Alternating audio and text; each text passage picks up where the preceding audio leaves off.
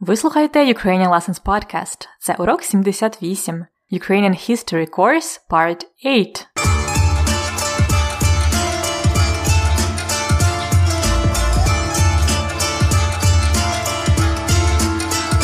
Привіт! Це подкаст Ukrainian Lessons. І з вами знову я, Анна, ваша вчителька української.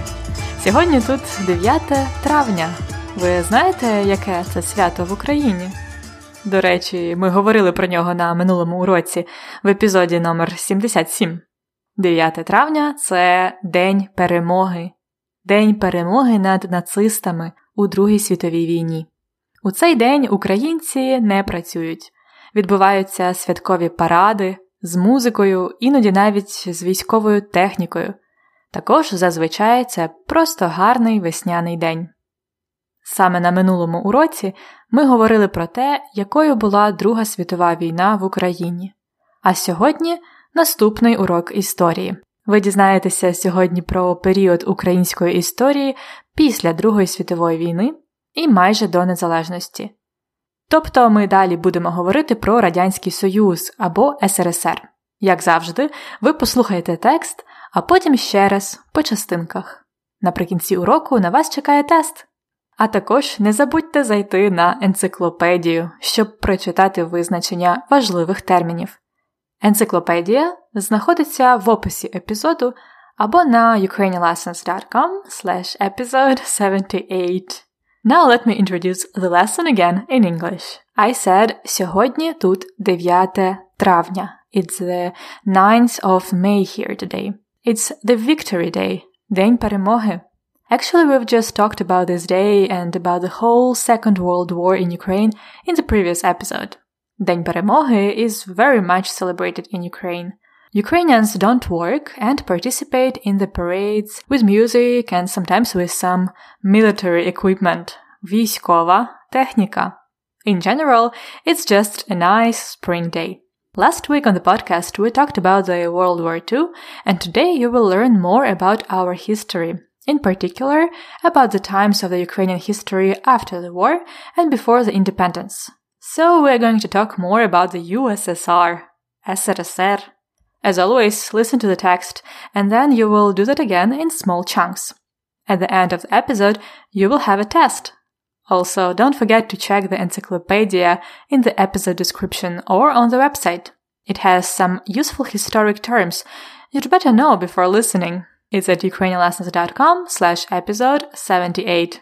То як, ви готові слухати наступний розділ історії? Тоді слухайте!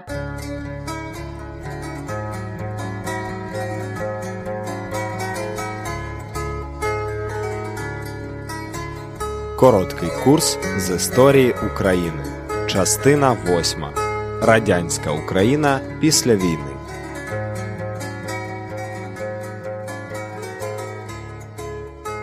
Коли у 1953 році помер Сталін і керівником СРСР став Микита Хрущов, розпочалася певна лібералізація суспільного життя.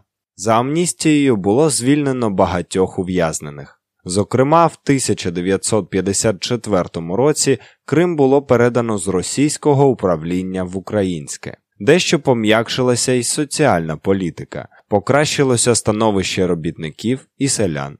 На початку 60-х років в Україні з'явилося нове покоління інтелігенції, так звані шістдесятники. Це були письменники, публіцисти, художники, що вимагали зменшення тиску на українську мову та культуру. Частина з них відверто заявила про свою опозиційність до радянської влади.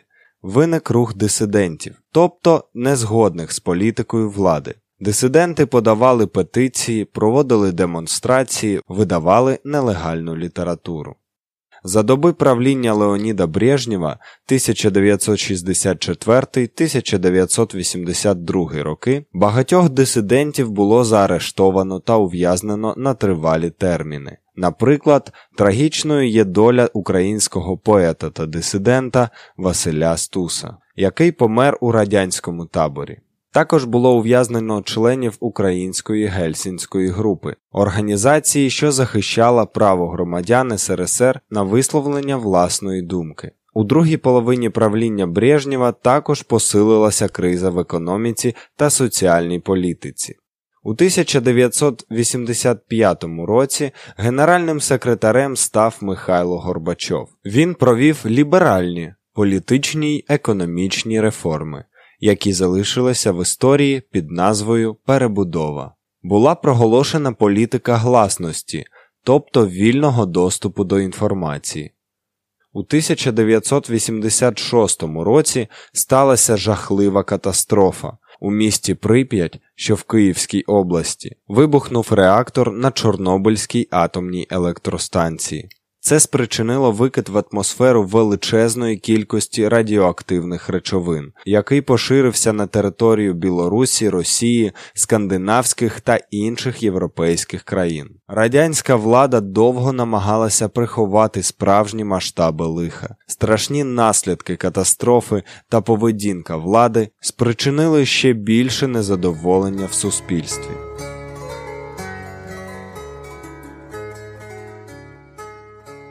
Ось такий радянський період української історії. Я думаю, ви знаєте, що буде далі. Про це ми поговоримо наступного разу. А зараз пропоную вам послухати текст маленькими частинками з моїми коментарями. Перша частина буде про Микиту Хрущова. Слухайте, якою була політика Микити Хрущова? Коли у 1953 році помер Сталін і керівником СРСР став Микита Хрущов, розпочалася певна лібералізація суспільного життя. За амністією було звільнено багатьох ув'язнених. Зокрема, в 1954 році Крим було передано з російського управління в українське. Дещо пом'якшилася і соціальна політика, покращилося становище робітників і селян. То яка політика була в Микити Хрущова? Це була певна лібералізація, лібералізація суспільного життя. Суспільство це society, суспільство. А суспільний це прикметник social, суспільний. Ми часто говоримо суспільне життя, тобто життя в суспільстві. То за Микити Хрущова розпочалася певна лібералізація суспільного життя. За амністією було звільнено багатьох ув'язнених. Ув'язнені from the verb ув'язнити або в'язниця. В'язниця це prison, в'язниця. Ув'язнити to imprison. Ув'язнити. Ув'язнені imprisoned або в'язень prisoner. То за амністією було звільнено багатьох ув'язнених. Багато ув'язнених були звільнені set free за амністією. Також у 1954 році Крим було передано was given з російського управління from Russian govern в українське. Соціальна політика також пом'якшилася, тобто стала більш м'яка softer. А становище робітників і селян situation of workers and peasants покращилося. Так ніби непогано, але що було далі? Слухайте нову частинку. Хто такі шістдесятники і дисиденти?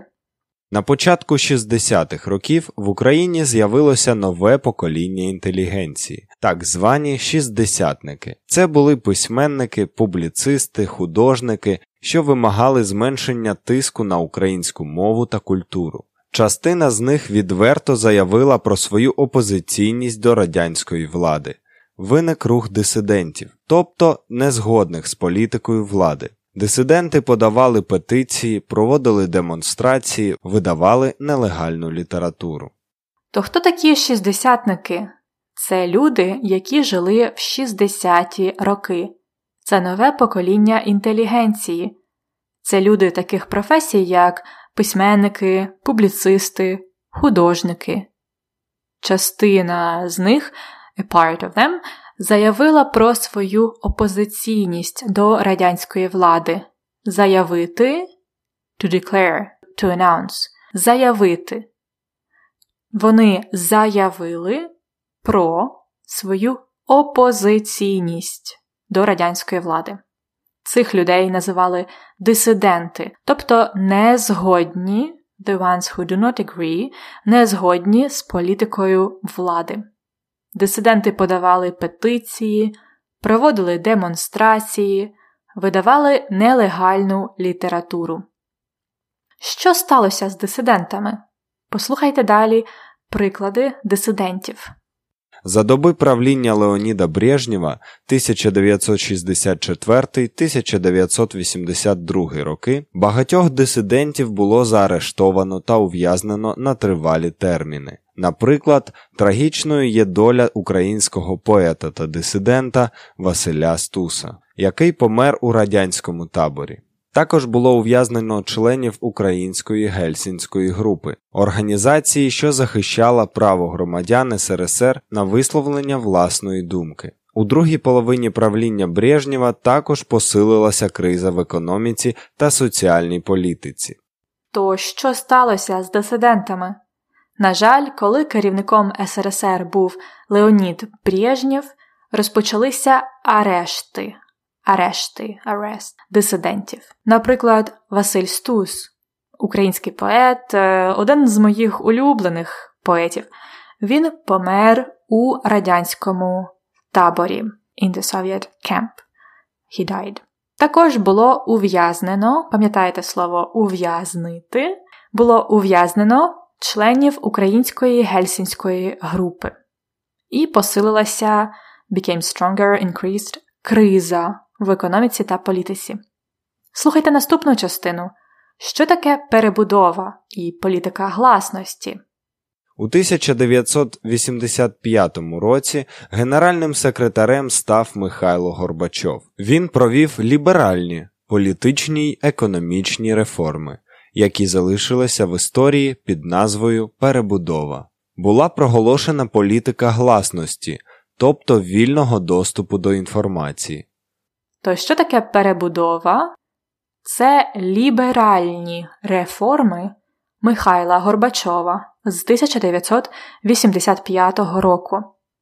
Частиною перебудови була політика гласності, тобто вільний доступ до інформації. Доступ це access. Вільний доступ до інформації free access to the information. І остання частина. Що сталося у 1986 році? Слухайте. У 1986 році сталася жахлива катастрофа. У місті Прип'ять, що в Київській області, вибухнув реактор на Чорнобильській атомній електростанції.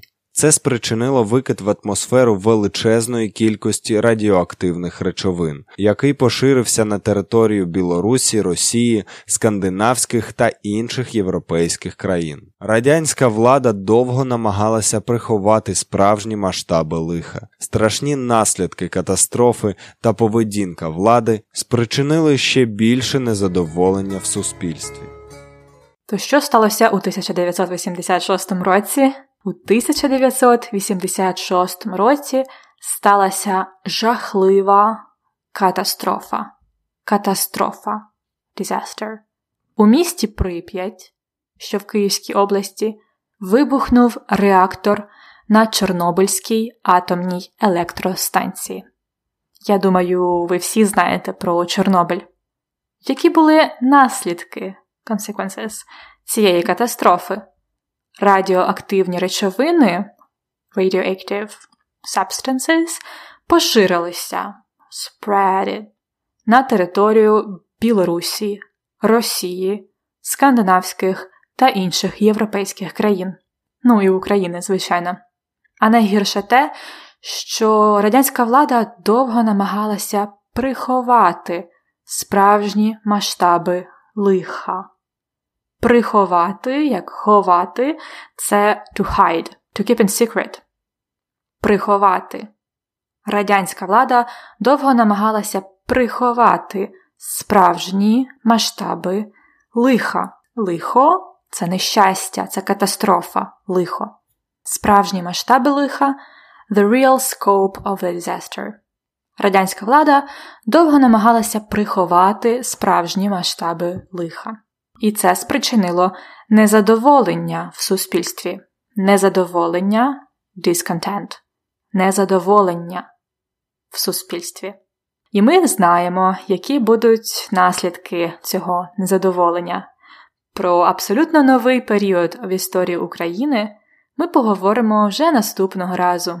А зараз слухайте, будь ласка, повний текст ще раз.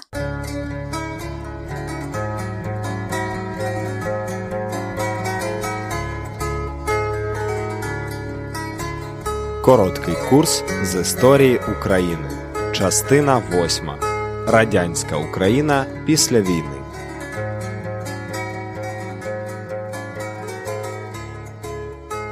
Коли у 1953 році помер Сталін і керівником СРСР став Микита Хрущов, розпочалася певна лібералізація суспільного життя. За амністією було звільнено багатьох ув'язнених. Зокрема, в 1954 році Крим було передано з російського управління в українське. Дещо пом'якшилася і соціальна політика, покращилося становище робітників і селян. На початку 60-х років в Україні з'явилося нове покоління інтелігенції, так звані шістдесятники. Це були письменники, публіцисти, художники, що вимагали зменшення тиску на українську мову та культуру. Частина з них відверто заявила про свою опозиційність до радянської влади. Виник рух дисидентів, тобто незгодних з політикою влади. Дисиденти подавали петиції, проводили демонстрації, видавали нелегальну літературу. За доби правління Леоніда Брежнєва 1964-1982 роки багатьох дисидентів було заарештовано та ув'язнено на тривалі терміни. Наприклад, трагічною є доля українського поета та дисидента Василя Стуса, який помер у радянському таборі. Також було ув'язнено членів Української гельсінської групи, організації, що захищала право громадян СРСР на висловлення власної думки. У другій половині правління Брежнєва також посилилася криза в економіці та соціальній політиці. У 1985 році генеральним секретарем став Михайло Горбачов. Він провів ліберальні політичні й економічні реформи, які залишилися в історії під назвою Перебудова. Була проголошена політика гласності, тобто вільного доступу до інформації. У 1986 році сталася жахлива катастрофа. У місті Прип'ять, що в Київській області, вибухнув реактор на Чорнобильській атомній електростанції. Це спричинило викид в атмосферу величезної кількості радіоактивних речовин, який поширився на територію Білорусі, Росії, скандинавських та інших європейських країн. Радянська влада довго намагалася приховати справжні масштаби лиха. Страшні наслідки катастрофи та поведінка влади спричинили ще більше незадоволення в суспільстві.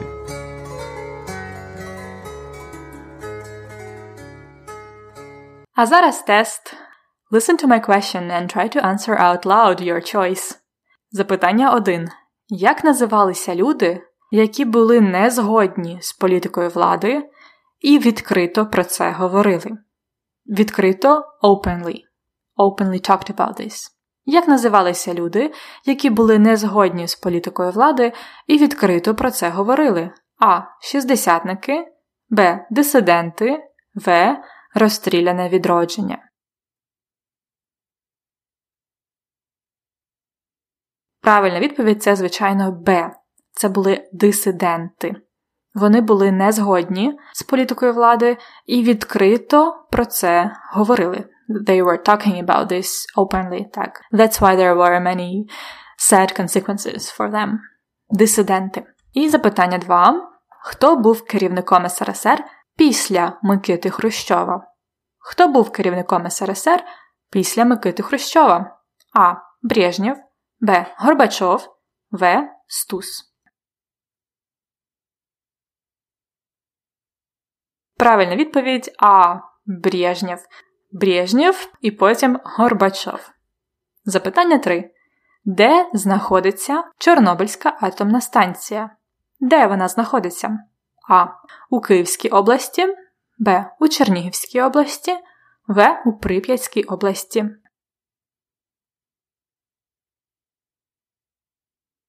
Правильна відповідь А. У Київській області. Чорнобильська атомна станція знаходиться у місті Прип'ять у Київській області, недалеко від столиці України.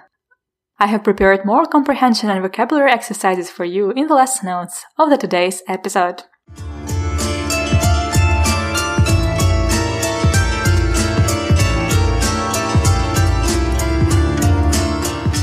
Культурный факт на подкасте. Unfortunately, one of the few things that people all around the world know about Ukraine is Chernobyl. Right now, more and more foreigners who come to Ukraine are interested uh, in going there on a tour. I've personally never done it, but it's possible. The area of Chernobyl, the power plant, and 30 kilometers from it in all directions is called Chernobylska Zona Відчуження, Chernobyl Zone of Alienation. right. You could probably imagine all sorts of aliens living there. However, in fact, there are people who never left the area and still live there because they just didn't want to leave their home. These people call themselves samoseli. – селитися самим, to be settled on your own. Самосели. I've been following these wonderful online projects about different regions of Ukraine. It's a blog and a YouTube channel called Ukrainer. On the page of this episode, I will post a link to their recent article and video about Samosali in Chernobyl. Those were just published like a week ago. Keep in mind though that people speak a very strong dialect uh, or Russian language in that video, but the article is in Ukrainian. I hope you will find it interesting.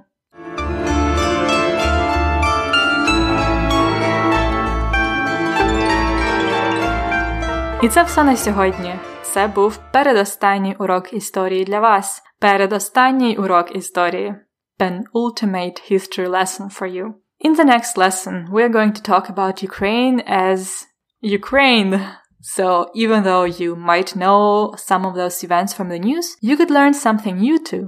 Let me remind you that if you would like to receive the lesson notes with the flashcards as some good supplementary materials for our episodes, sign up to our premium membership. You can find out more about that as well as uh, you can find the link I mentioned about Chernobyl at ukrainianlessons.com slash episode 78. ukrainianlessons.com slash episode 78. А я прощаюся з вами до наступного тижня, до наступного уроку історії. Па-па!